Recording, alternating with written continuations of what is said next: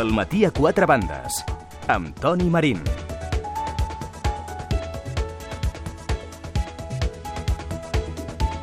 Les 10 i 7 minuts, aquí estem. Nova hora del matí a quatre bandes. Contents amb el fet que és divendres. Lògicament, no tan contents amb aquesta història de que probablement eh, tinguem un cap de setmana passat per aigua, com ens explicava des de primera hora el Toni Mestres, però, efectivament, aquí ja s'estaven fent eh, plans fa una estona de llars de foc, de sopeta calenta, a ser possible de ceba, que sempre és un afegit, diríem, interessant, amb formatge, evidentment, fi, no ho sé. No sé si fa molt de fred, no sé si està molt tapat per Lleida ara mateix, però podem comprovar immediatament perquè ens acompanya, com cada setmana des d'allà, en Jaume Garcia. Què tal, Jaume? Bon dia, Toni. Fred o no, aquí? No és el millor dia per prendre el sol. No és el... Vaja, o sigui, ennuvolat totalment, no? Eh, amb una miqueta de boirina i, a més a més, plou. I venint cap aquí m'he jugat la vida. Avui us demanaré plus de perillositat. Però per què? Què ha passat? Perquè que hi ha una bona... un bon raig d'aigua pel camí. Ja. Per l'autovia. T'agrada la sopa de ceba? No m'agrada la sopa. En general. En, en general... Com pot haver-hi algú en el món mundial al que no li agradin les sopes? Mira, Mafalda i jo. L'aigua calenta... Sou els dos. Perdoneu. Aigua... Perdona, Perdoneu. perdona. Una sopa és aigua calenta amb més coses. No tens ni idea el que estàs dient. No, és que no tens ni idea el que estàs El dient. cafè Jaume. és aigua calenta bruta. Jaume, L'aigua calenta és per dutxar-se. escolta'm, fes el favor. I ja està. Estàs, es, L'arròs caldós és, una, és un fàstic. estàs a punt de... de, de O arròs o sopa. Estàs Però totes dues coses a la vegada no. Mira, estàs introduint-te en un el camí llit. Ni és francament sofà ni és perillós. Franc... un sofà llit ni és... Fu... M'estan dient per què si has fumat alguna cosa aquest matí. No. Estic intentant pelar, perquè no és treure-li el paper, és pelar Sí? un carmel de ginseng. em fa... Ah, és ginseng el que et prens. Sí. Mm, millor valeriana, crec jo que és. El que et cal aquest matí és més valeriana que no pas ginseng, saps? Sopa. Ja et veig prou excitat aquest matí. Què us passa als humans amb la sopa? És que no La entenc. sopa és boníssima. Totes les sopes són bones. Sí, sí. I el cafè, ja el que has dit del cafè, mira, estic, no sé, m'estic replantejant tot. En fi. Eh... Espero que sigui deixar el cafè. no, això no. Escolta'm, Jaume, de què parlem avui? Eh, jo volia parlar de cinema, però haurem de parlar de pel·lícules. Ostres, mira, aquí, aquí has estat bé. Mira Sí, el que et dic. Perquè què passa? Molt baix nivell? O Molt què? baix, molt baix. I pensa que a partir de, de que, de que s'entreguin els Oscars, el Sí. nivell de les notícies de cinema cau en picat. Ja, o sigui, estàs... Vols dir que ens hem de reinventar la secció? Mm, No, vull dir que no hi ha més cera que la que crema, és a dir, en fi... Per, per eh, donar-te un exemple d'això, Sí? la primera notícia que tenim avui és d'aquelles de traca. A veure... S'anuncia la segona part de Casablanca. És una notícia inquietant, francament. No sé com la vius tu, eh? A mi hi ha coses que millor deixar-les. Eh, sí, sí, completament d'acord. I més encara quan està s'està parlant d'una obra mestra que es va fer fa 70 anys. Sí. Eh? Que dius, calia fer una segona part? No. Però es veu que la Warner Bros. no contenta amb fer calés amb la nissaga de Harry Potter i amb els tres Batmans darrers, doncs diu, calla, mira, podem obrir una nova porta que és el fe, eh, la de fer segones parts de pel·lícules que ja sabem que van funcionar. I què han fet? Eh, doncs han agafat un guió, un tractament del guió, millor dit, escrit per Howard Koch, que és un dels tres guionistes de la, de la pel·lícula original de Casablanca i que va guanyar l'Oscar per aquest guió, Uh -huh. un tractament que va fer cap a als anys 60, Sí? perquè ja li van demanar en aquell moment una segona part de la pel·lícula 20 anys després. Sí. Eh, era una època de crisi cinematogràfica als Estats Units i van dir, mira, mirem a veure si podem fer això. Com que no els hi va acabar de quadrar la cosa, no ho van fer i ara volen rescatar aquesta història Uh -huh. i dur-la a la gran pantalla. Es tracta de la història del fill de Rick i d'Ilsa. Ja veus. Eh? O sigui, ells dos, quan es troben en aquella nit eh, per buscar els passaports, Sí.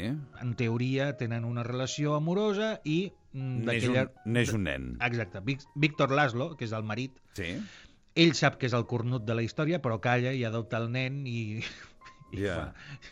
Perquè els, el, les banyes són com els queixals, quan surten fan mal però després ajuden Ja, a menjar. ja un s'habitua, no dius? Sí, sí. I fins i tot t'ajuden a menjar. Ai, Sí, sí. Don- doncs, eh, en aquest cas, Víctor Laszlo, que és el tros de pa de la, de la història, accepta aquesta criatura i es veu que la història és la del fill, que va a la recerca de què va passar amb el pare i amb el cap de policia. però situada en, en aquests moments? O... No, el 1961. 1961, ok. Sí, sí, uns 20 anys. Ja. Eh, es parla de Joseph Gordon-Levitt per fer aquest personatge del, del fill de, de, de Ricky Dilsa. Uh -huh. És un bon actor. El que és, és, en general és una mala idea. És una mala idea. Clar, és que fer... Primer, Casablanca és en blanc i negre. Sí. Què volen fer aquesta pel·lícula en color? Bueno, no, potser la fan en blanc i negre, ara està de moda. Sí, molt bé. En segon lloc, qui va al cinema? Bueno, ja veurem. Al cinema hi van les persones entre 15 i 35 anys, perquè la pròpia indústria, entre ells la Warner, s'han encarregat de fer fora a la resta. Però, dels perdona, perdona, perdona, en el mateix moment hi ha pel pel·lícules que s'hi diuen s'estrenen la segona part de Casablanca, Sí. que les anirà a veure molta gent que probablement normalment no va al cinema. O no les anirà a veure ningú. Jo espero que la facin i que s'estavellin. Doncs jo crec que t'equivoques. Francament, eh? Jo no sóc cap entès en cinema, Mm. però, mm, no sé, a veure, jo últimament vaig poc al cinema, però em diuen, eh, estrenen Matrix 4. Mm. Eh, pam, allà em tens el primer dia, Ja. entens? Amb Casablanca passaria igual, no? Encara que sigui després per criticar-ho, Sí. però per veure-ho, no? Has pensat seriosament en anar a teràpia de grup o... Perquè, mare meva. Sí. Matrix 4 podria ser ja molt hardcore, Sí, no? És podria veritat. ser de suïcidi col·lectiu. Mira, eh, per primera vegada parlant de Matrix, crec que estaré d'acord amb tu. Mm. amb Teresa ja n'hi ha prou. Eh, què? No, jo crec que la gent aniria a veure-ho, eh? Sincerament. Jo espero que no. Que ho facin i que no hi vagi ni ningú. Ja, Eh? bueno, Ningú amb una mica de gust cinematogràfic. jo crec que t'equivoques. Però vaja, en fi, és igual, ja ho veurem. Ells sabran, això. és a dir, quan, en el moment en què anuncien que es farà això i que, a més a més, la producció la portarà una de les netes de d'un dels Warners, Sí, perquè eren quatre, o sigui que vés a saber de qui és neta aquesta, Cas Warner, eh, doncs eh, és que a mi em fa molta mandra aquesta notícia, i és la més interessant d'aquesta setmana, imagina't. Mare meva. Ja. Però la Warner no s'atura aquí. Eh? O sigui, ells han volgut, com es diria en català, ritzar el ritza, Ritza, el Ritza, es diu? Sí, no ho sé si El. Rínxol. El rínxol, eh? Sí. Rínxolar el rínxol. Això. I volen fer Tarzan, Una altra vegada? una altra vegada. O sigui, Tarzan és aquella pel·lícula que no s'ha fet mai, eh? amb, amb actors catxes, busquen el catxes de torn i diuen, tu seràs Home, Tarzan. perdona, que Tarzan ha de ser catxes. Home, clar, sí. Què vols, un Tarzan amb Michelins? Home, doncs no estaria malament. Tu has vist algun goril·la que estigui prim?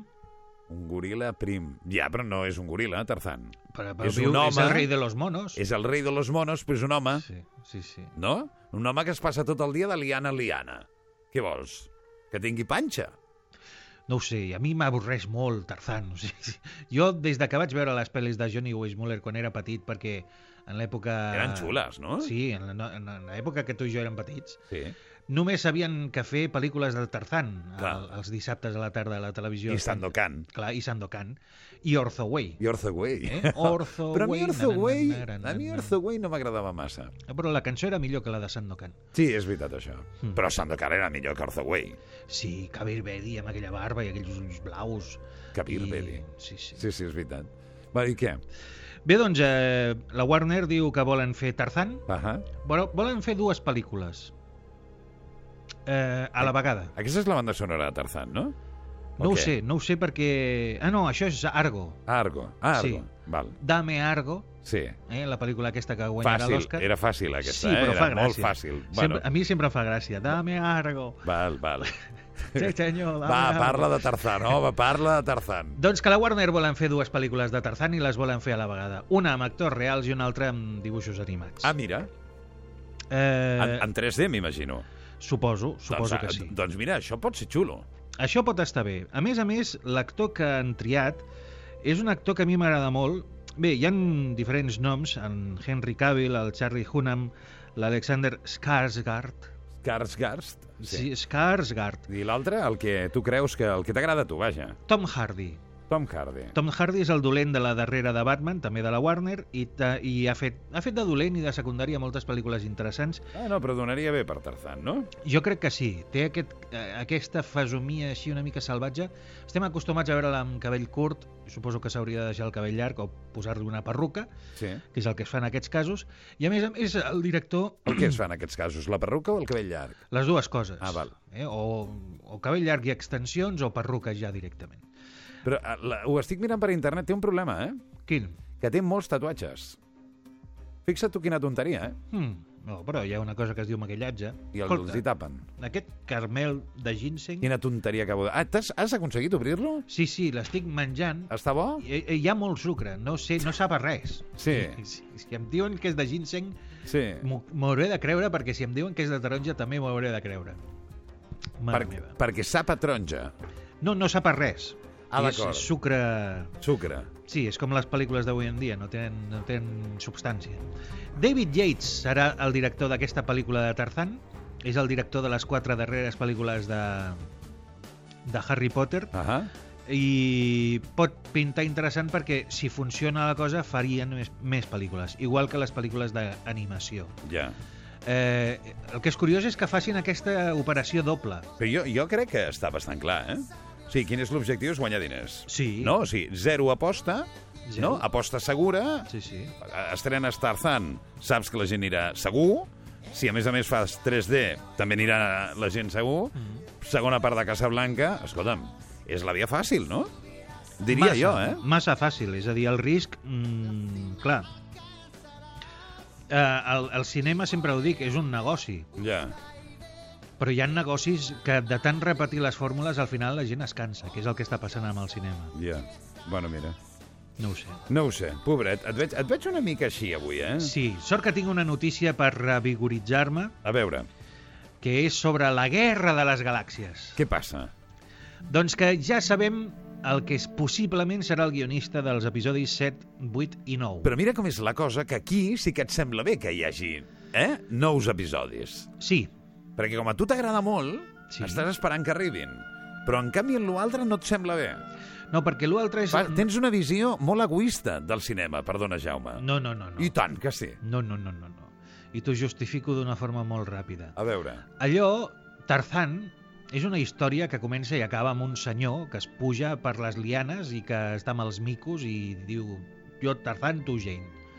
però en anglès. O sí, en anglès. Però ja està. És a dir, és, és un tio que neda ràpid, que salta d'arbre en arbre i lluita contra els dolents i guanyen els... Però tu has sentit a parlar del llenguatge no verbal? Sí, sí, sí. Doncs és una pel·li plena de llenguatge no verbal.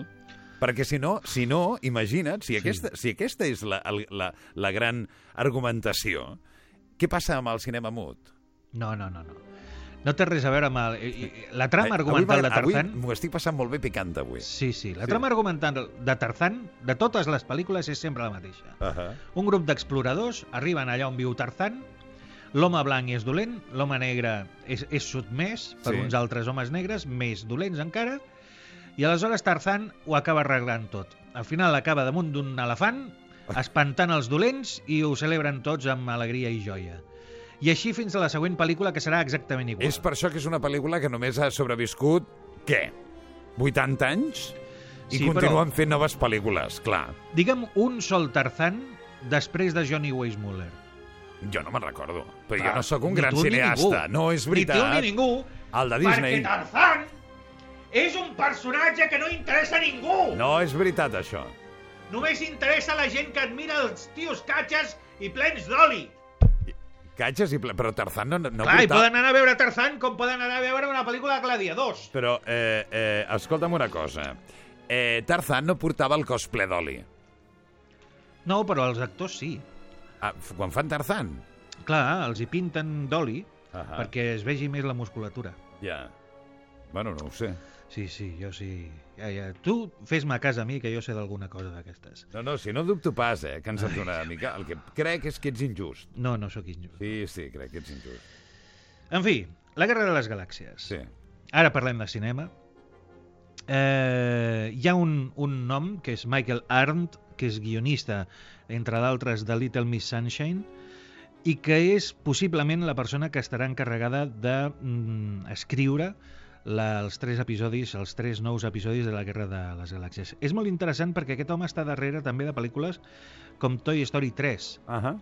que és de les tres la millor. Ara ja forma part del gran món de Pixar.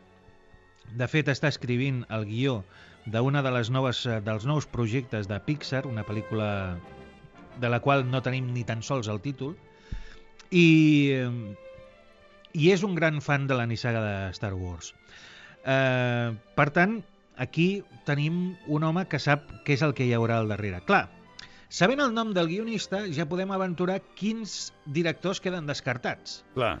Perquè, per exemple, l'altra setmana dèiem que Peter Jackson seria, almenys com a mínim per mi, la millor tria per seguir la nissaga de la Guerra de les Galàxies, Uh -huh.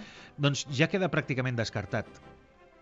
Perquè ell és el guionista de les seves pròpies pel·lícules, conjuntament amb la seva companya. Uh -huh. Per tant, si eh, tenim a Michael Arndt, és difícil que Peter Jackson accepti la direcció d'aquestes pel·lícules. Ja sonen tres noms com a possibles continuadors. Uh -huh. I tots tres pinten molt bé.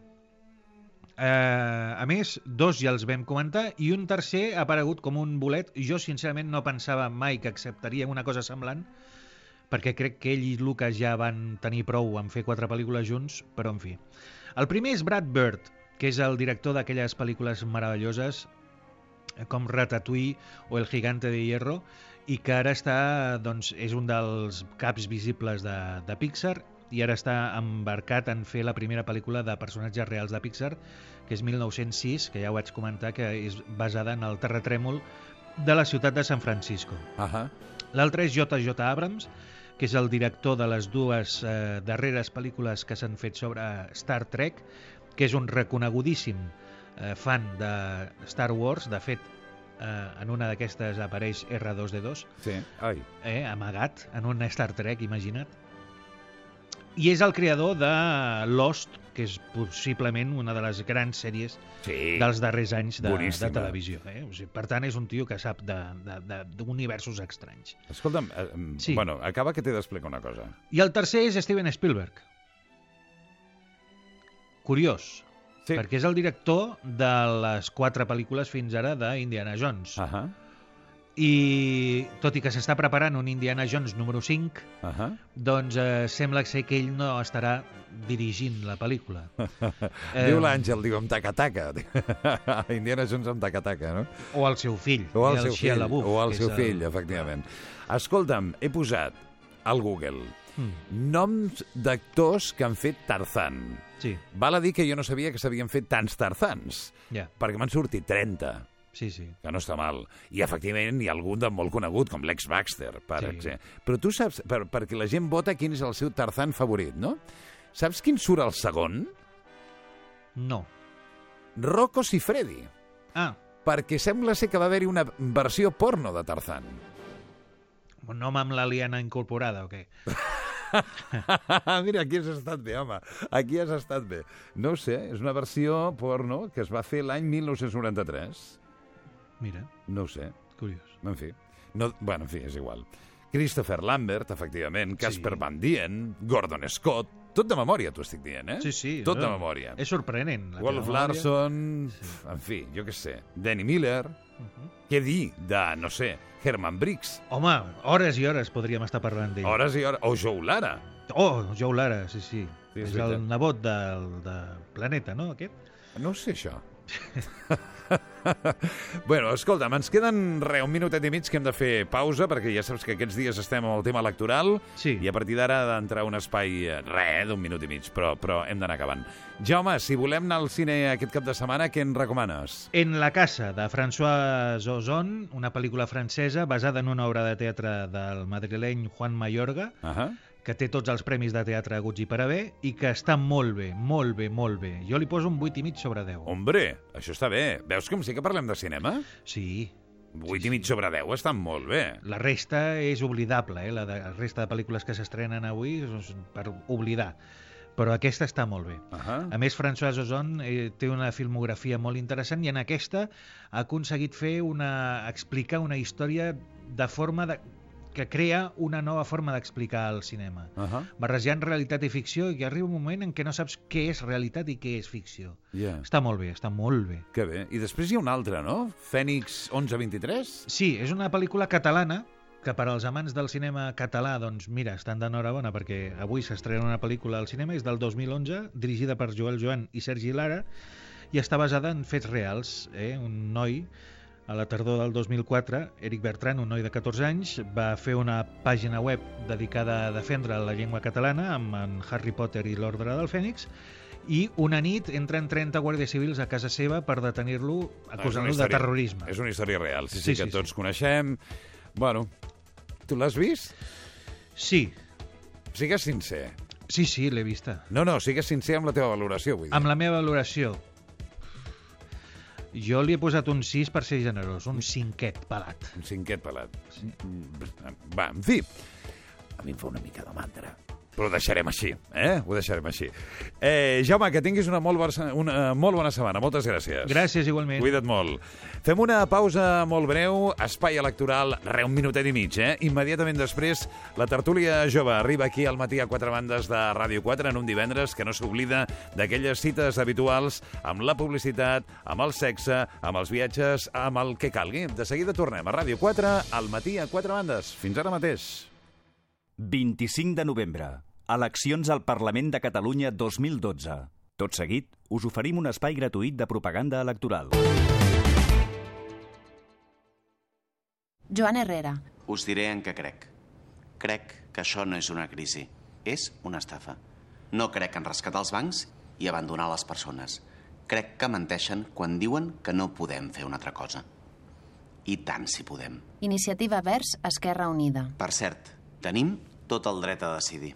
Oriol Junqueras. He estat 3 anys eurodiputat i només podia anar a Brussel·les en avió. Espanya no vol connectar Catalunya i Europa amb alta velocitat.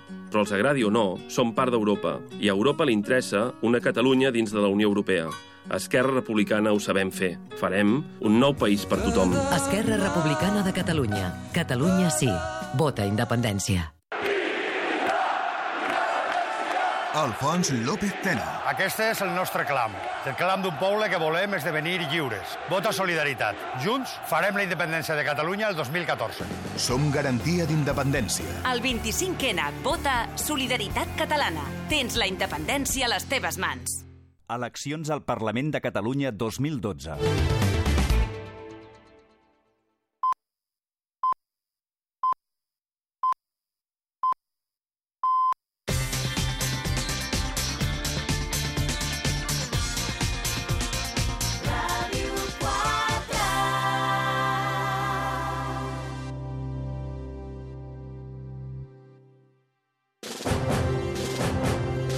Som traficants de somnis. Badacina.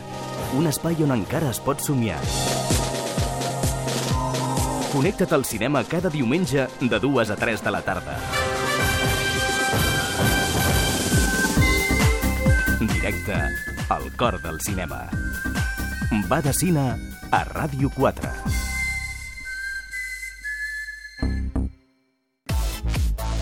La programació de Ràdio 4 també a internet. Escolta'ns a la xarxa. Clica rne.es barra Ràdio 4. Un portal ple de possibilitats. Pots escoltar la ràdio, baixar-te els programes, participar, opinar. Escolta Ràdio 4 a la xarxa. Clica rne.es barra Ràdio 4. La primera en català.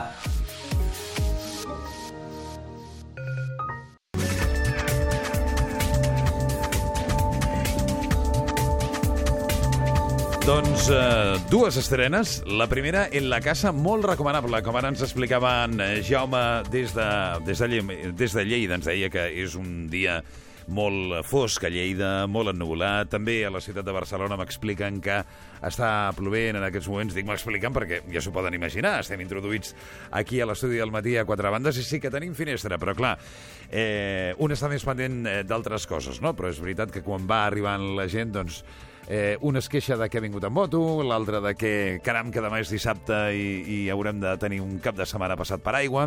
En qualsevol cas, serà un cap de setmana ben especial per moltes coses. D'algunes d'elles parlem a continuació. Gina Giró, què tal? Bon dia, Gina. Hola, bon dia. La Gina Giró és estudiant de la Universitat Pompeu Fabra i és eh, membre de Pompeunòmics. Està amb nosaltres també l'Alberto Gallardo. L'Alberto, bon dia. Hola, bon dia, Toni. Que, que és estudiant de dret d'ESADE. També ens acompanya la Mireia Donés. Hola, Mireia, bon dia. Hola, bon dia. La Mireia és membre de la Coordinadora Nacional d'Avalots i d'aquí una estona estarà amb nosaltres també el Rodrigo Martínez, secretari general d'Estudiants pel Canvi. Bé, tenim molts temes al damunt la taula, però jo estic convençut que teniu ganes de dir-nos la vostra sobre aquesta arrencada de la campanya, no, Gina? Sí, sí, sí. Aviam, um, jo em queden poques esperances, però a mi m'agradaria que aquesta campanya d'una vegada per totes s'intentés, dic que em queden poques esperances, eh, però m'agradaria que s'intentés que de veritat fos una mica productiva, és a dir, que els ciutadans tinguéssim ganes d'escoltar els polítics, els que ens representen, uh -huh. dir-nos coses noves. És a dir, no sempre el mateix, i és evident que aquesta campanya té un sentit molt clar i tots sabem quin és, un sí o un no però no m'agradaria que ens centréssim només en això i que la campanya fos rica i que es fes política i que es fes país. Fer política és, doncs, això, explicar un polític realment tot què ens pot aportar els ciutadans i quina diferència marcarà que es creïn unes majories o que es creïn unes altres. Yeah. Llavors que es faci política i que es faci país. Alberto, això és el que m'agradaria. què dius? Bueno, això és cert que en aquestes eleccions eh, s'està debatint un tema molt important aquí a Catalunya, que és si sí o si no a la independència, que bueno, va ser una de les causes pels quals es van adelantar les eleccions. A mi, personalment, eh, bueno, jo no estic d'acord amb la independència i, de totes maneres, aquí el que jo crec és que el primer tema que es tindria que tractar i es, i, i es tindrien que preocupar els polítics és l'economia d'avui dia. Vull dir, hi ha, a tot Espanya hi ha 5 milions de parats ara mateix i això no pot ser. I el que no pot ser és que aquí s'estiguis debatint sobre la independència quan en realitat aquest moviment es veu alimentat per aquesta crisi econòmica que hi ha. Saps Ja. el que vull dir? I tant. Mireia, què et sembla, tu? Jo, personalment, les campanyes polítiques sempre m'han agradat mm, més aviat poc. Però és veritat que en aquests moments, i, i s'està dient, i crec que així serà, no? serà una de les campanyes polítiques de les quals més es parlarà dels últims anys, no? No sé exactament si és una campanya anirà cap al sí o cap al no a la independència, eh, cal no deixar de banda, com deia l'Alberto, no? Tot els, tota la crisi econòmica, tots els temes socials que estan afectant, i una cosa no ha de tapar l'altra. Ara, tampoc crec que siguin dues coses totalment antagòniques, sinó que van lligades a una realitat, Mhm. que és la que és, no? Rodrigo, bon dia. Eh? Hola, bon dia. El Rodrigo Martínez, el secretari general d'Estudiants pel Canvi, que acaba d'arribar amb la carpeta de la universitat. Has sortit de classe fa res, no? Bueno, estava en anglès Estaves- aquest matí. Ah, anglès. Sí, sí, sí. Bé, l'anglès? Eh, very good. Very, very good. If, if, between, between, no? Que deia Exacte. l'acudit, no?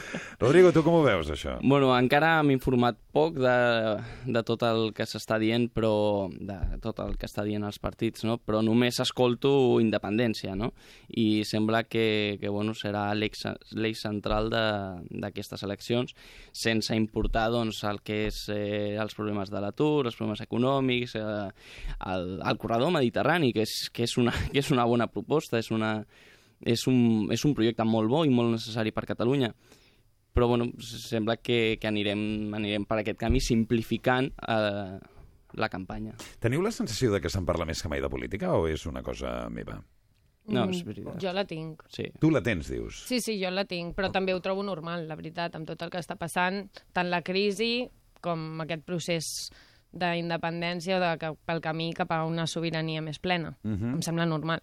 Us sembla normal? També vosaltres també teniu aquesta sensació o què? Ara sí, sobretot, bueno, es parla més de, de política que no d'economia, no? És això que s'ha tapat una mica el tema econòmic amb la independència i això és bastant innegable perquè de crisi... Ara el, el debat a televisió és independència o no independència i no com sortir de la crisi i tot això. Bé, jo També crec que també hi parla. ha partits polítics que sí que donen un èmfasi molt important a la crisi econòmica i a com intentar sortir d'aquest forat, que també crec que ningú sap com sortir d'aquest forat. No. Però també crec que es parla d'economia, eh? bàsicament perquè un dels arguments més importants que es dona per la independència és que seria molt beneficiós per l'economia de Catalunya.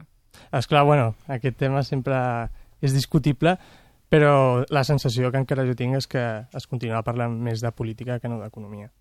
Home, jo, bueno, jo crec que l'economia forma part del que es parla de política. I sí que és cert que hem estat parlant molt de política els últims anys perquè hem vist que, que ens ha afectat a les nostres vides. Que la política, que això que dèiem, bueno, sí, són senyors que surten cada quatre anys i, i ja està, no ens importava perquè, perquè no, no teníem problemes amb la hipoteca, no teníem problemes amb el pagament dels rebuts, eh, creiem que no ens afectava, que no era tan important, però eh, per la crisi doncs, ens hem donat compte de que, de que és més important del que creiem.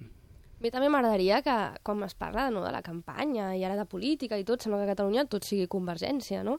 I bé, hi ha molta, molts altres partits polítics, no només PP, PSOE, Convergència, Esquerra, sinó que estan donant les seves, Bueno, queden- les seves alternatives, no? Queda, Però sembla que... pocs en aquesta Però relació. sembla que no, quan parlem de Catalunya i les eleccions, tot és Convergència i tot és Artur Mas, no? Dic, bueno, mm, Parla de qui vulguis. no, dic jo, mira, políticament no em defineixo, no? I, i també, vull dir, la, la, el que podem tractar nosaltres com a, com a joves del sindicat, evidentment, vull dir, hi ha una varietat política Clar. que està oberta a tothom, no? Però sí que personalment em fa una mica, no de ràbia, sinó se'm fa estrany, no?, que es, es barregi d'aquesta manera, no?, també. Campanya política sembla que només la faci Convergència i, i ja està, no? És curiós perquè acabem la setmana parlant pràcticament de manera exclusiva, per raons evidents, eh? d'aquest inici de la campanya electoral. A les 12 d'aquesta passada mitjanit doncs, s'ha portat a terme aquest acte tradicional. Anava a dir enganxada de cartells, però ara no és una enganxada de cartells, sinó de cartells que surten, no? De, De, pi, de piolades de Twitter, De no? piolades de. Twitter, també, sí senyor, sí senyor, no? Però és veritat que la començarem d'una altra manera la setmana vinent, perquè serà dilluns, serà 12 de eh, novembre i significarà que estarem a 48 hores d'una nova convocatòria de vaga general. Ho dic perquè si creieu que estem parlant molt de política, la setmana vinent parlarem molt de sindicats, molt de, molt de política, efectivament també, molt d'economia, perquè són els motius, efectivament, que surten, que fan sortir la gent al carrer.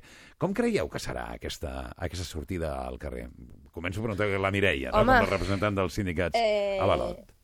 Esperem, esperem que vagi bé i que coses que últimament han anat sortint més a la llum, que semblaven oblidades, no? Sigui un dia perquè la gent pugui sortir al carrer i pugui demostrar també d'una altra manera la, el seu malestar no? i les seves inquietuds i preocupacions respecte pues, doncs, a aquesta realitat no? de manca de feina, de com s'estan gestionant totes les polítiques d'ocupació, eh, de tot el que ens està al voltant, que sembla que sí, que realment quedi tapat i sobretot aquí a Catalunya, és veritat, per, per uns altres debats, eh? Mhm. que estic totalment d'acord que s'han de fer i personalment mm, crec que és un moment històric de canvi que caldrà veure cap on anirem, no? Però jo crec que ha de ser un dia de lluita al carrer, evidentment pacífica, no? però ha de ser el dia que, que s'ha d'aprofitar per sortir i mostrar que bé, aquí també volem un món millor i una altra manera de fer. Qui vol seguir? Bueno, jo mateix, si, si vols. Eh, home, jo no, no, no sé què passarà, no? però, però trobo, trobo curiós que encara el malestar general de, de la gent i els problemes que tenim continua havent una, una desconnexió no? una mica entre la societat i els, i els sindicats, no? que potser no, no sé per què, doncs no han sabut eh, eh, tenim com més, més popularitat o, o, o més, eh, més carinyo no? per part de, de la gent i, i llavors això mai saps a les vagues generals a aquest país doncs, doncs sempre, bueno, les xifres ja, ja veurem no? com, com són molt diferents però clar, sempre tenim una, pràcticament una meitat de la societat que recolza i l'altra meitat doncs, que, que, que encara que estigui d'acord amb, amb el que s'està protestant doncs no vol, no vol participar. Sí, jo estic bastant d'acord amb el que està dient el Rodrigo perquè um, tinc la sensació de que hem arribat a un punt en el que gran, gran part de la societat, per no dir tota, està molt d'acord en els valors i els ideals que aquestes vagues generals eh, reivindiquen. El que passa és que no sé si és perquè els sindicats no han sabut fer una mobilització, mobilització adequada d'aquesta de- d'aquesta convocatòria, d'aquesta i d'altres, però és com que tinc la sensació que gran part de la societat pensa que no servirà de res sortir al, sortir al carrer, cosa que tampoc m'estranya perquè segurament els polítics tant de bo m'equivoqui, però seguiran parlant de la independència i dels seus eslògans de campanya, etc. Mhm. Però com que mm, pensen que no servirà de res sortir al carrer a reivindicar aquests drets perquè com que es fa últimament cada dos per tres, doncs és com que ja hem, hem arribat en aquesta rutina en la qual no és res extraordinari, cosa que hauria de ser. Alberto, tu com ho veus? Bueno, jo considero que el dret de vaga eh, és un dret molt important i, i, que tot, i que és importantíssim. Però mm, sortir al carrer a, a manifestar-se i parar tot el país no sé si seria el millor perquè l'economia millorés. Eh, vull dir, socialment, és clar que estem, una, estem en una situació molt grau i per això estan els sindicats, per ajudar els treballadors, però no, no sóc partidari de que ara mateix el que necessitem és parar tot el país. I que m'agrada això que dius d'ajudar els treballadors, i bueno, crec que és els sindicats ajudar els treballadors i aquells que són treballadors però no tenen feina també, no? Que és important no oblidar. Eh, seguint amb el que dèiem, sí que és cert que és, a vegades és difícil arribar a certes persones, no? potser que no estan molt en contacte tant ni amb la vida política ni sindical, ni potser que estan una mica més de, desafectats, no sabria com dir-ho, no? Però bé, el fet de quedar-se a casa i no fer res tampoc crec que sigui la solució, no? Llavors, eh, davant d'una possibilitat, una mobilització massiva de gent, doncs bé, mm, sortir al carrer doncs, eh, no costa tant, no? I més quan la majoria de gent crec que sí que estarà d'acord en que la situació en la que estem vivint molt agradable no és per ningú, no? No, sense cap dubte, si en algun moment de la història els ciutadans s'han de manifestar, és en aquest.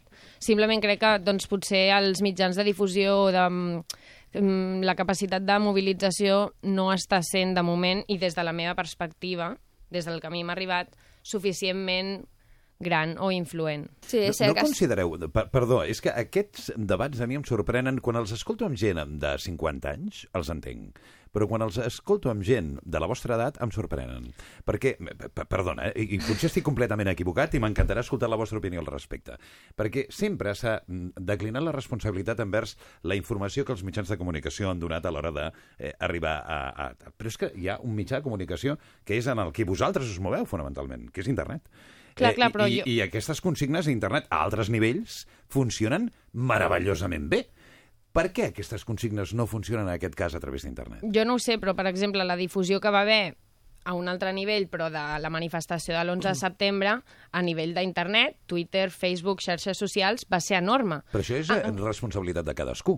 Exacte, No? de, Perquè de cadascú, però la també grandesa d'aquest mitjà de comunicació de és la que un repiula de, el que repiula, és no? de, de cadascú, que la gent va veient que això s'està coent, que s'està coent alguna cosa, llavors la gent doncs, ho envia als seus amics i es crea doncs, ja tota la gent que està disposada Ahà. a assistir a aquest esdeveniment perquè creuen que de, de veritat farà un canvi, perquè si, verit, si tu veus que molta gent ho, ho, ho fa, doncs també creus que marcaràs tu més encara la diferència, perquè si ningú està disposat a anar, penses, bé, doncs jo prefereixo una classe, prendre els meus apunts, que potser al final em serà més útil que no anar allà quatre gats que no ens escoltaran.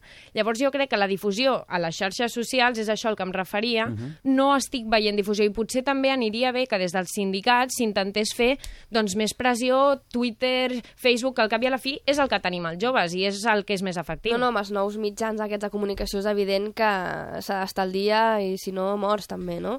Clar, mm, jo puc parlar més per avalot, no? que tot i que som part de l'UGT mm, tenim una mica més la nostra manera de, també de comunicar-nos i fer, sí que és una de les vies que utilitzem moltíssim a- al Twitter no? i al Facebook, tot linkat uh, per arribar a això que dius, no? tota aquesta xarxa, perquè és que és això, o, o sembla que ho fas o ja no ets Jo, ningú, jo no? crec que ara, ara mateix qualsevol eh, acte convocat per sindicats o partits polítics no té la mateixa, el mateix poder de convocatòria que el que és un acte social, com va ser el moviment del 15M o com va ser la, la manifestació independentista o...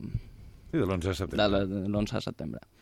O sigui, jo crec que ara mateix un partit polític... El, el que s'està buscant és la desvinculació dels partits polítics i els sindicats. I la gent està sortint al carrer intentant eh, desvincular-se de, de, de tot això i protestar contra ells, perquè són, és contra ells... Eh, els, és, són ells els que tenen la responsabilitat i, i llavors si participen en la teva, en la teva, pro, en la teva protesta doncs ja li treu una mica al teu propòsit, no? Clar, però crec que és un error, no? Pensar que una vaga general està escrita a un sindicat Sí, o altre, ser. o un partit o altre. Crec que precisament una vaga general és això, no? Tan general que hi cap tothom, no? Sí. Sigui del color que sigui, sigui d'un partit o no, sigui d'un sindicat o no, no? Clar, És com el que deia, no? Nosaltres internament com a sindicat doncs, tenim colors polítics varis, no?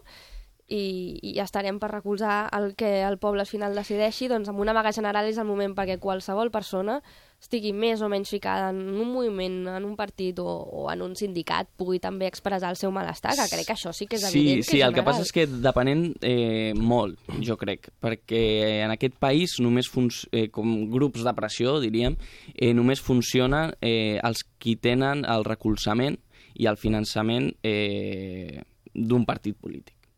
O podríem dir públic. O sigui, eh, Però el 15M, per exemple, funciona molt i no hi havia Bueno, no, va, no, va, va funcionar, no, per, això, per això va tenir tan, tan, tanta raó social i va, i va ser un èxit, no? perquè, perquè tenia una desvinculació de tot això. Després ja ves quan van intentar entrar els, partits, els partits polítics i el recolzament, però els, els qui tenen diners, els qui tenen una infraestructura forta de convocatòria de gent i d'organització d'actes, ara mateix eh, són els sindicats i els partits polítics i, els, i són els que poden fer, fer pressió. Mm, jo crec que, que Ara la, mateix, la societat Rodrigo? és, és molt feble. Eh? Perdona- perdona un Se- exemple. Sempre, sempre. No, no, perdona. Potser ara mateix està canviant això. T'ho dic és- perquè, sí, sí, mira, sí, sí. Avui, avui estem parlant de desnonaments eh, i ho estem fent com a conseqüència d'un moviment social, d'un moviment social que va començar, eh, a més a més, en un primer terme segurament amb tothom mirant-se'l una mica per eh, damunt de l'espatlla, no? Com dient, ui, aquesta gent, friquis, tal, i no sé què, i eh, mireu com està la història, i han aconseguit... El Tribunal de Justícia Europeu. Exacte, exacte. Eh, que aquesta és una altra, la d'anys que ha trigat, abans ho dèiem, en pronunciar-se al Tribunal de Justícia Europeu sobre una realitat que fa molts anys que estem vivint aquí. Eh? Però, en qualsevol cas, eh, més de 500.000 signatures ha, ha aconseguit la plataforma eh, la PA, no? per al tema de la hipoteca, per, la, per, per intentar portar tota aquesta qüestió al Congrés dels Diputats i, i, i el tema de la dació en pagament. Vull dir que la gent, ara, amb les noves tecnologies, es pot organitzar, i es pot organitzar molt bé, no? que en aquests moviments també hi ha hagut molt recolzament polític i sindical també, eh? Vull dir que mm, no són coses tampoc que han de ser Ara. o això No, o alt, jo crec que el paper ara. que... Són moviments més bé... Digues, A veure, digues. són moviments més bé que es veuen alimentats per corrents socials, vull dir, sense inf eh, infraestructures econòmiques, de partits polítics o sindicats, que, que venen arrel de la frustració que hi ha en aquests moments. Mhm. I em sembla que aquestes 500.000 signatures o el moviment 15M són un exemple d'això. I, I això cautiva els cors de, de tota la gent perquè se sent identificada, perquè ara mateix com estan tan frustrats amb els partits polítics, vull dir, com a, uh, tant els dos estan absoluta, no, no crec que estiguin representant a, a, a to, als seus votants, doncs, home, i això, bueno, ara m'he liat una mica. Però clar, com, com, com, lluit, com lluites uh, contra uns partits polítics que tu mateix els hi estàs pagant? Bueno, Clar, podríem sí, sí, entrar sí. també amb el tema de, de la campanya electoral que es fa als mitjans Sí. de comunicació. sentit que clar. Sí, sí, sí. bastant... Exacte, allò de que els periodistes tenen com uns criteris molt marcats a l'hora de parlar... Bé, tu ho sabràs dir millor, però a l'hora de tractar tot el tema de les campanyes i això, si no he entès malament, no és lliure totalment, no? Perquè s'ha de seguir com uns criteris en... Però només segons la el ràdio, partit. només a la ràdio pública. No, no, uns criteris sí, sí. no, uns Ah, criteris de temps. Exacte, uns criteris exacte, uns de temps criteris en funció de de la temps, representativitat. exactament. Però només a la ràdio pública. Sí. Ah, ah, només als mitjans Sí, Però que, si, si als partits amb representació els hi donem els espais gratuïts perquè tenen representació, què fem, el que tu deies abans, amb els partits que no tenen cap tipus de és representació, que, això, no si, tenen si cap la tipus de ciutadania mitjans... Per... creiés en aquests partits i en aquests moviments, realment no caldria finançament. No, perquè no, és que Perquè- no, no els arribes a conèixer. No, no, Jo és crec que, no és arribes molt a això. important que en aquesta campanya serà difícil, però és molt important que els partits polítics, conscients de la seva situació dins de la societat, intentin fer realment un esforç per tornar la confiança en la gent. I això no és dient eh, nosaltres la torna, em, lluitarem pels drets socials, ni nosaltres us portarem a la independència, ni nosaltres seguirem de la mà amb Espanya. Això és explicant de veritat el programa és i fent tot- un exercici de és reflexió el que és que que crec que no dir, es eh, fa mai. A la- a l'anunci que, que, que, no? que es, eh, que s'ha posat abans d'aquest espai, no? han dit això, o sigui, no han dit res més, han dit independència, han dit canviar les coses i, Doncs exacte, i res que més. No? a mi O sigui, m'agrada molt eh, el...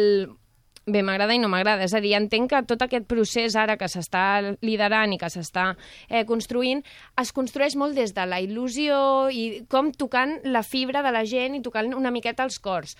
Però al cap i a la fi, fer política no és sempre parlar d'il·lusió, ni de sentiments, ni de que se't posi la pell de gallina al escoltar un discurs. Fer política és explicar les coses tal com són, dir les dificultats que hi han tal com són i dir, escolta, quines coses diferents faré jo si em votes i quines coses farà el meu l'altre partit. Però és que realment crec que des de fa molts anys en aquest país, tant a Catalunya com a Espanya, no es fa política, es fa Demagògia. retòrica. Mm. És que Bueno, més o, important o pots, des- pots votar una, un programa electoral que després és totalment al contrari, també, no? Però és que la gent tampoc té incentius O- per llegir-se els O programes votar una llista de gent tancada que no saps qui és qui, que et dona igual... Exacte, que... això és el tema de la llei electoral que... He, he escoltat una cosa que he d'intervenir. Què vol dir això de que la gent no té incentius per eh, llegir-se un programa electoral? Els hauríem de tenir, però mm, jo no conec a moltes persones que de veritat es, Però qui- es però- llegeixin els programes sencers dels seus partits, perquè es pensen que el seu partit polític és simplement doncs, això el que s'està reduint tot, que s'està fent un procés de reducció Però, tan bèstia. però vols dir que aquí no hi ha una part de responsabilitat personal que també hauríem Totalment, de però qüestionar-nos? si jo- És a dir, perquè anem a buscar que els altres ens donin incentius per llegir-nos els programes electorals. Però, No, en no, no, definitiva, absolut. l'incentiu el tenim. Bueno, que però és potser qui- no interessa que els llegim, eh, tampoc. No, no, no, no. l'incentiu el tenim i a mi em sembla que és molt clar. És qui ens ha de governar els propers anys. A L'incentiu el tenim. El que No? passa és que jo crec que també, el, donat la situació de desafecció política i de que la societat, un d'aquests... Quan tu preguntes quins són els motius de major preocupació, no sé si els polítics són el segon o el primer o el tercer, però vamos, que... És Mireu, una... mireu quina notícia m'acaben de passar. S'acaba de suïcidar una dona a Baracaldo quan l'anaven a desnonar, quan l'anaven a fer Déu. fora de casa. Quina, quina història, eh? Quina història, eh? Com està aquest tema, eh? No sé si crec que la setmana passada o l'altra també, no? Sí, a Una València, persona no? s'havia tirat. També. És que ha de ser terrible. I si no es canvien, si no es canvien certes coses, El que passa és no que jo serà crec que en aquests casos hi ha, hi ha més coses, a part de- d'un desnonament. O sigui, Pot ser, sí. Bueno, crec que a, a tu et treuen una casa, però per suïcidar-te doncs, mm, has d'estar pitjor que això. No, Rodrigo, hi ha gent que tota la seva vida és la seva casa. És a dir, Bueno, va, va, Però això doncs- ja és implícit que estàs pitjor. O que no això, tens- ja, No, no, això clar, ja ho no, no. dic. O Sí, que no tens res, clar, exacte. Jo penso, bueno, m'aniria a casa de ma germana, a casa del meu pare, a casa... Però hi ha gent que no té res. Sí, hi ha gent que no té familiars ni amics Exacte. ni res, li treuen la casa i li treuen Exacte, la, però és la que això seva és vida. estar molt pitjor que el simple fet de no poder pagar la hipoteca. Però bé, jo tinc l'esperança que ara, si el Tribunal de Justícia Europeu Ai, pobra. Segons la 50, sentència. 53 anys tenia aquesta senyora, 53 anys. No, a Baracaldo, és, és un drama, és un drama vital. El que s'està vivint, i no tothom es suïcida, per sort, mi és- però és són molts drames vitals. Bueno, esperem que la llei ara es canvi, no?, amb aquestes signatures, perquè, mira, això és una prova de que no funciona per a, perquè les persones arribin a l'extrem de quitar-se la vida. Mm. Vull dir... És brutal. Però- Acabem amb una notícia diferent? Em deixeu que canviï de tema i us pregunti Sí, una sí, cosa? No sí, té res sisplau. a veure? A veure. Vo- Voleu tenir fills? Jo bueno, sí. jo tinc una filla. Tu tens una Jo filla? tinc una filla, sí. A, a tu ja no t'afecta la notícia. Perdona, quina edat tens, Mireia? Jo tinc 30 anys. 30 anys, estàs perfecta per Ostres, sí, la... sembles no, no, dic, dic dins l'estudi, dins l'estudi. Tu vols tenir fills? Home, jo m'agradaria. Mai se sap on et portarà la vida, però m'agradaria. I vosaltres? Bueno, a vosaltres us afecta de, de manera més de rasquis, eh? Una mica. Eh, Rodrigo, Alberto... Per mi seria un plaer. No? Home, esclar. Sí. Mireu quina notícia. Una de cada quatre dones de Catalunya, una de cada quatre dones de Catalunya no tindrà fills. Eh, Per què no en tindrà? Perquè com cada vegada s'endarrereix més el fet de tenir el primer fill, hi hi ha molta gent que espera haver passat els 30 anys eh, per quedar-se embarassada per primera vegada. Eh, què passa? Que segons van passant els anys, la dona va perdent eh, possibilitats. Cada vegada eh, el seu grau de fertilitat no és ben bé el mateix, no? Voleu fer algun comentari sobre això o què? La mitjana d'edat, perdona, era, pot ser que fos 31 anys del primer fill, no sé si aquesta notícia ho diu. Mitjana d'edat de tenir el primer fill 31 anys, home, és, és bèstia, però això està lligat a, a moltes coses, no? És que està a- lligat com a tots els patrons a- socials. Cada Exacte. vegada ens anem més tard de casa, cada vegada estudiem més carreres, Sí, cada la, vegada no, volem la fer nostra més coses. emancipació La, cada cop la conciliació laboral. costa més, Exactament, és, això, eh, quan la dona acaba la carrera no vol tenir fills, vol, vol, a- vol anar a treballar i voler estar treballant uns anys. Home, I, bàsicament trobar una feina per poder Esclar. donar una vida al teu fill, I- perquè si no tens ingressos, dif mm, difícil. Clar, i personalment jo haig de dir que no m'he trobat cap problema a l'hora de, de tenir la meva filla, la meva baixa, tot plegat. No, Però sí que veig... Perdona, faltaria, faltaria, més, no? sí. En el teu cas només faltaria. Només faltaria. Però sí que haig de dir que el fet de ser... Més que es parla molt, no?, de que si el paper de la dona encara que està relegat en el món laboral, que cobrem menys per treballar el mateix, tal. Jo crec que pel, més que pel fet de ser dona és pel fet de ser mare. Que encara estem al segle XXI i, És per i la costa. possibilitat de ser mare. No? Exacte. Sí, sí. Exacte, sí, perquè un cop ho ets, jo crec que, mira, pensa, no, pues ja els té, ja inconscientment està, la no? societat segueix pensant i segueix sent així en la realitat que la mare té molta més responsabilitat sobre Mm. el seu fill que el pare. I això té molta influència en el teu rendiment crec que laboral. és més responsable. No, no, segur. Bueno, sí, també. Bueno, ho ets tu, si Bueno, vols està donar-li el l'instint pit, ets tu que li matern, has de no?, de, de protecció ja. dels fills. Al cap i a la fi és la dona eh, qui, qui, bueno, qui no sé, si, sí, no sé si crec tant en l'instint o no, eh? però sí, com sigui, almenys Bueno, tu ets biològicament mare, sóc no? jo qui li has de donar el pit, soc... No, els primers Ets tu mesos qui l'ha depèn molt tingut més de la nou mare. mesos dins teu. Jo crec que això ha de marcar la diferència. A quina edat t'agradaria, Gina, tenir un fill a tu? Doncs a mi als 28. Tinc aquesta idea, Caram, però... quina exactitud, eh? Però és perquè la meva mare em va tenir amb 28, eh? Ara- Llavors és el meu... Ara m'has impressionat, m'has impressionat. Vosaltres, els nois, en aquest cas, Alberto, tu com, eh, quan mires el teu futur, cap a quina edat et veus allò com a... Bueno, e- és curiós perquè jo la meva edat que havia posat, bueno, no per tenir fills, sinó per casar-me, estava entorn als 26, als 30 anys. Llavors, allà dins s'enquadraria el tenir fills o no, saps? Ja, llavors és curiós perquè, bueno, coincidim amb, amb les edats. A, a, a coincidiu amb les edats? Bueno, amb les edats de, de tenir fills, vull dir, amb, la idea, amb la 27, idea. 28. Amb, la, amb la Gina, vols dir? No, no, no, no, no, no. Que la meva nòvia m'està escoltant. I... No, no, això és cosa meva, eh? Només faltaria. Això és cosa meva. Però et veus tenint un fill amb 27, 28 anys o no? Esclar, esclar, Ah, sí? I sí, tu, sí. eh, Rodrigo? Jo crec que també, 26, 27, sí, et cases i tens un fill, sí, jo crec que sí, no? Et cases i tens un fill. Sí. Sempre el matrimoni abans. Eh, per mi sí. Sí? Ah, Per mi aquest també. Tema, aquest tema també és, eh, és interessant. Per un bé, per l'altre també. Tu què dius, Alberto? Eh, a veure, jo soc bastant religiós, bueno, tampoc molt, però bueno, ho soc. I per mi, abans de, de tenir un fill, m'agradaria casar, casar-me. sí. Però bueno, Jo- Però legalment sap, no, no, significa, fi no és ningú impediment, vull dir, eh, el meu oncle uh -huh. eh, porta 10 anys amb, amb, la seva, amb la seva dona i tenen dos fills, no estan casats I estan la mar de feliços. I estan la mar de feliços i no han tingut cap problema i no canvia res. No, clar, és que si no va bé en realitat... És evident, eh, que una visió religiosa lògicament condiciona, faltaria més, no? Faltaria més. I tu què dius? Home, crec que és diferent també avui en dia el tema de casar-se, tenir fills, no? Perquè sí que és habitual que te'n vas a viure amb la parella, sense casar-te, tens aquest temps, no?, de que ja pots veure si això tira endavant o no. Jo sí que em vaig casar abans de tenir el fill, però no per tenir el fill, tampoc, no? Sinó, bueno, perquè volíem fer la festa i la vam fer. No sabeu com agraeixo haver parlat d'això encara que hagin estat 5 minuts, no? Més divertit, no? Més divertit. Doncs sí. Escolteu-me, que tingueu una molt bona setmana. Igualment. Vale, moltes Divendres gràcies, vinent continuem parlant. Moltíssimes gràcies, eh? Alberto Gràcies. Gallardo, Gina Giró, Rodrigo Martínez, Mireia Donés, fins, eh, fins ben aviat. Gràcies, bon dia. Uns segons, les notícies de les 11 i de seguida tornem amb Camil Roca, amb Carme Sánchez, amb Òscar Marín, amb David Martí, amb el matí a quatre bandes. Ara tornem.